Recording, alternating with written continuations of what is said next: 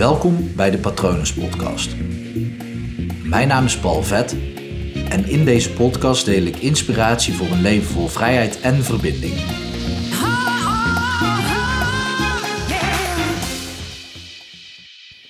Mijn hele lichaam begon te schudden. Alles, alles in mijn lijf. Het begon met mijn onderlip.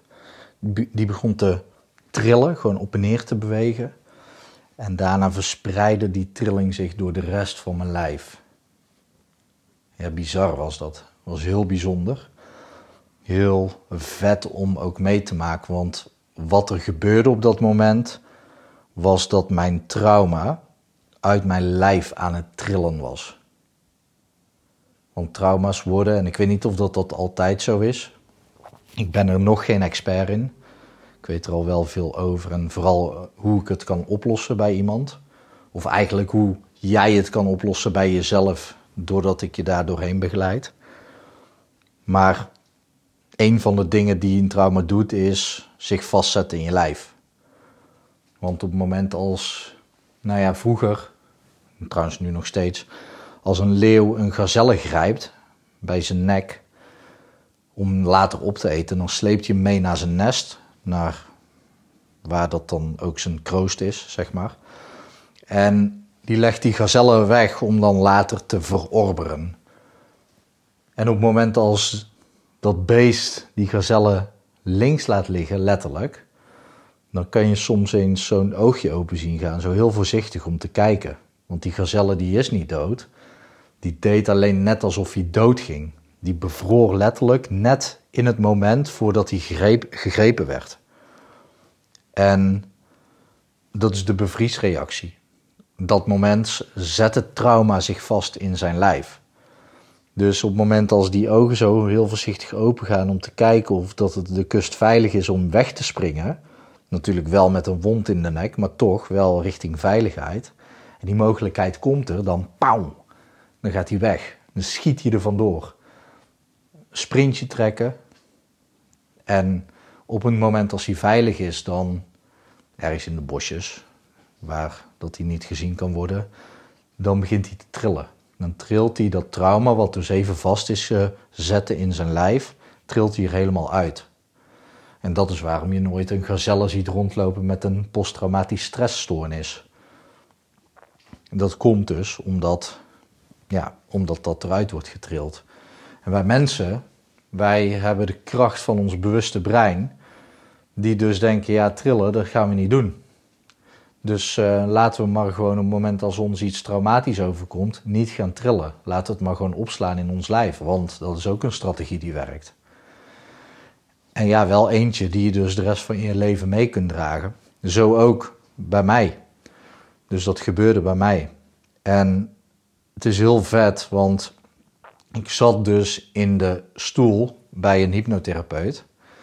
Maar niet zomaar één. Het was tijdens mijn opleiding dat ik voor de demo naar voren werd, gevraagd. En het was dat ik het mezelf gunde, want de dag ervoor mochten we aangeven met heel de groep: oké, als je in de demo wil, uh, kom dan naar mij toe en geef aan dat je dat wil, zei de trainster. En er waren meer mensen die zich hadden ingeschreven, waaronder ik dus. En ik was dus de gelukkige om in die stoel te mogen plaatsnemen. Dus ik ging zitten in die stoel en ik deelde mijn trauma, of het ding waar ik doorheen wilde werken, eigenlijk het ding waar ik vanaf wilde, deelde ik. En dat was heel bijzonder, want waar ik vanaf wilde, ik, ik deed bang om gezien te worden. Je weet, ik spreek over date, of ik doe bang in plaats van ik heb angst of ik ben bang. Ik doe angst. Dat is makkelijker om daar verantwoordelijkheid over te nemen en ook veel dichter bij de waarheid dan te zeggen dat je het hebt of bent. Wil je dat weten, dan nou ja, leg ik een andere keer wel uit. Volgens mij heb ik daar hier ook wel eens een, een aflevering over opgenomen. Maar goed, ik zeg, ik, ik doe bang om gezien te worden. Dat zei ik tegen de therapeut. Maar ja, ik zat dus in een stoel en er waren bijna 60 ogen op mij gericht. Want bijna 30 mensen. Dus juist mijn angst werd heel erg vergroot in die stoel. En wat vet is, is tijdens de opleiding leerden we regressie. En bij regressie ga je eigenlijk, nou op dat moment ging ik zelf dus, ehm, ging ik een aantal situaties beschrijven waarin ik last had van die angst. Waarin ik die angst deed. Als ik bijvoorbeeld voor een grote groep moest spreken.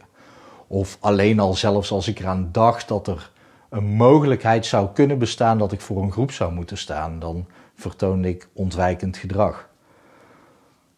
En nou ja, door het uiteenzetten van die situaties was ik natuurlijk heel erg verbonden met dat gevoel van die angst om gezien te worden. En dat deelde ik dus voor een groep van bijna 30 mensen. Dus dat werd heel erg versterkt in die stoel daar. En bij regressie is het dan zo dat ik die situaties omschrijf en dan in, in de regressie ga ik uiteindelijk terug naar de allereerste keer dat ik, ehm, ja, eigenlijk dat ik dat trauma dus heb opgelopen. Wat een trauma namelijk is, is een, een zaadje wat ooit geplant wordt. En eigenlijk is een zaadje nog vrij onschuldig, want er kan een bloem uitgroeien of onkruid uitgroeien. En als het een bloem is, is het mooi, maar komt er onkruid uit, dan ja, dat is minder mooi. Misschien zijn daar de meningen over verdeeld, maar in een metafoor is dat minder mooi, want ja, dat staat natuurlijk voor alle negatieve ervaringen. En een zaadje, op het moment als daar dan wat onkruid boven de grond uitkomt en er komt regen op, oftewel het trauma wordt versterkt door een situatie, dan gaat dat onkruid groter en groter worden totdat het eigenlijk heel je bloemenzee gaat overwoekeren en dan zie je alleen nog maar onkruid. En dan ervaar je dus ook onkruid in je leven. En dat is dus vet aan regressie, want ja, in die stappen terug ging ik eerst terug naar momenten dat ik gewoon als volwassen man voor groepen stond en dat mega spannend vond.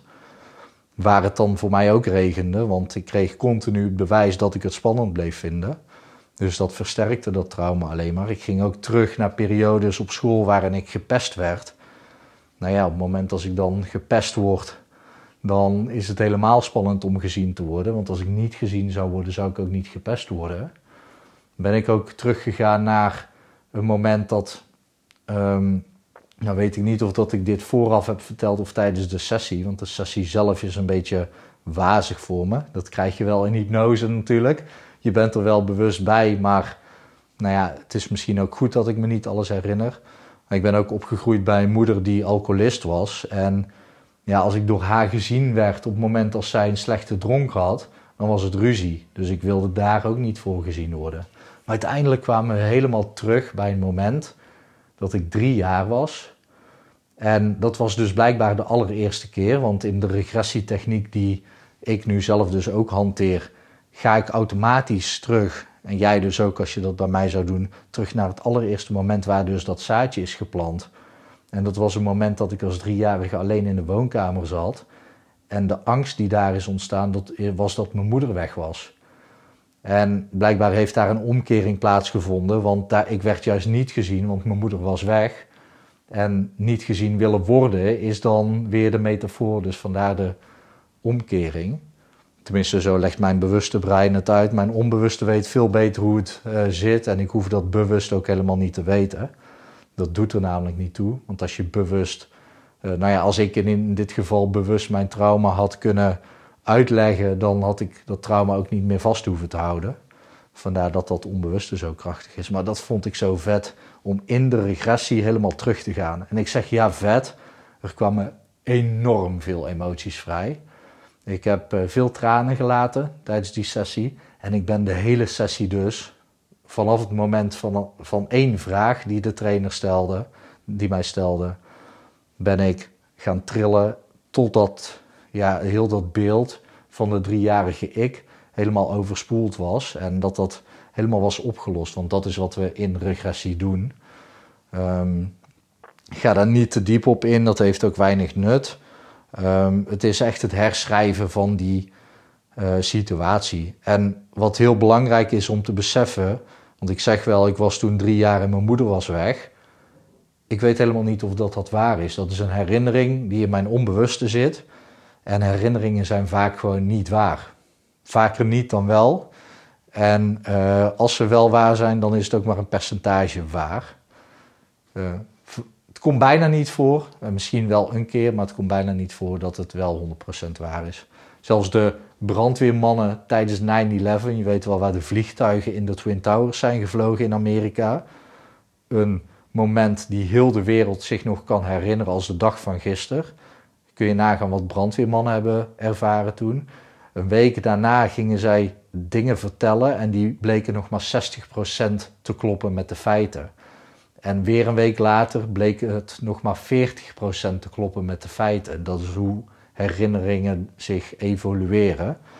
En uh, voor de brandweermannen bleef die herinnering wel waarheid. En dat is ook de kracht van regressie en traumaverwerking. Is, nou ja, in dit geval is dit mijn waarheid, of was dat mijn waarheid op dat moment.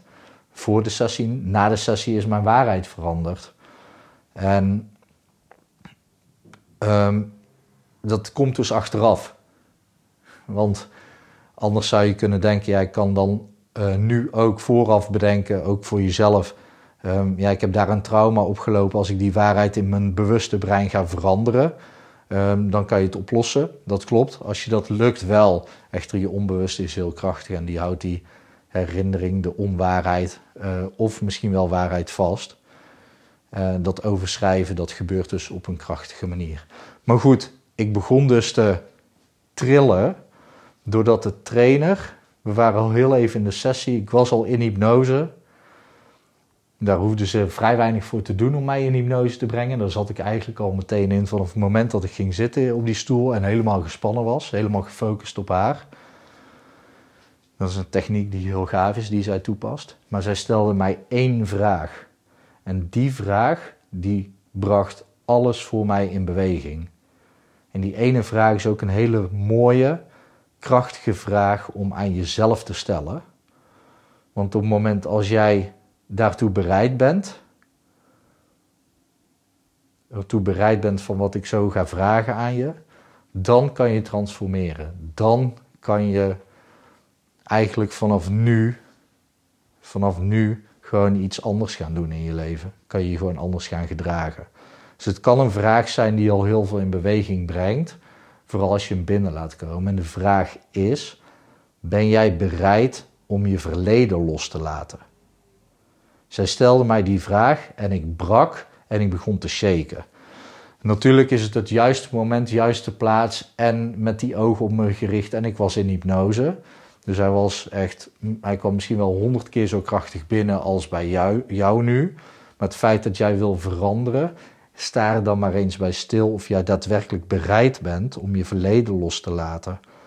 Want dat is vaak een punt waarom wij dingen in het heden nog vasthouden waar we last van hebben, omdat we toch daar iets van meenemen uit het verleden wat we nog vasthouden, letterlijk. Dus ben jij bereid om het verleden los te laten? Ik zei toen ja, ik moest wel echt heel dieper doorheen, doorheen ademen.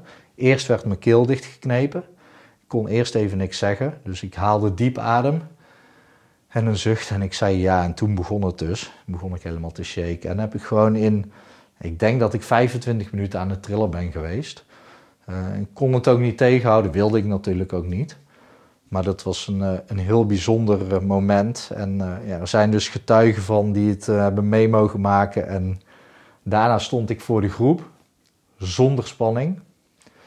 En ik zag alleen maar liefde van de mensen voor me. Dat kan je natuurlijk ook wel voorstellen op het moment als uh, zoiets moois gebeurt. Een transformatie voor je ogen zien gebeuren. En dan ook in een regressie waarbij ik echt uh, diep naar mijn uh, ja, allereerste angst dus ben gegaan. Mijn allereerste situatie waar dat trauma is ontstaan. Um, ja, heel bijzonder om dat mee te maken. Heel gaaf om te mogen begeleiden vanaf nu. Of vanaf nu. Dat, het ligt eraan wanneer je dit luistert. Maar heel gaaf om dit te mogen begeleiden, te kunnen begeleiden. Ook te kunnen doen bij jou als je dat interessant vindt of helpend. Of dat je denkt, wauw, ja, ja Paul, ik ben bereid om mijn verleden los te laten. Bereid om je verleden los te laten. Dan is het misschien tijd om daadwerkelijk die stap te gaan zetten en dat ook daadwerkelijk te gaan doen. Ik ben benieuwd of dat jij bereid bent om je verleden los te laten en of dat jij hier vragen over hebt, of dat je er iets over kwijt wil, of dat je iets meer wil weten. Volgens mij heb ik het enigszins duidelijk proberen te vertellen. Um, in de podcast hou ik er nooit een script bij met punten die ik nog uh, moet delen, maar volgens mij is het een vrij logisch verhaal geworden. Natuurlijk zijn er legio dingen die ik er nog omheen kan vertellen. Ehm, dat ga ik nu niet doen. Dus vandaar mijn uh, nou ja, voorstel aan jou, mijn geste. Dat als je hier vragen over hebt, laat het me gerust weten. Je kan me mailen op patronen.paulvet.com. Ja, en wil je dit ook ervaren? Wil jij je verleden ook loslaten en een vrije toekomst instappen? Kijk dan echt even op www.hypnopal.nl om te zien wat ik voor jou kan betekenen. En uh, wie weet spreken we elkaar dan. Ik hoop dat het goed met je gaat. En ik wens je natuurlijk nog een hele mooie dag toe.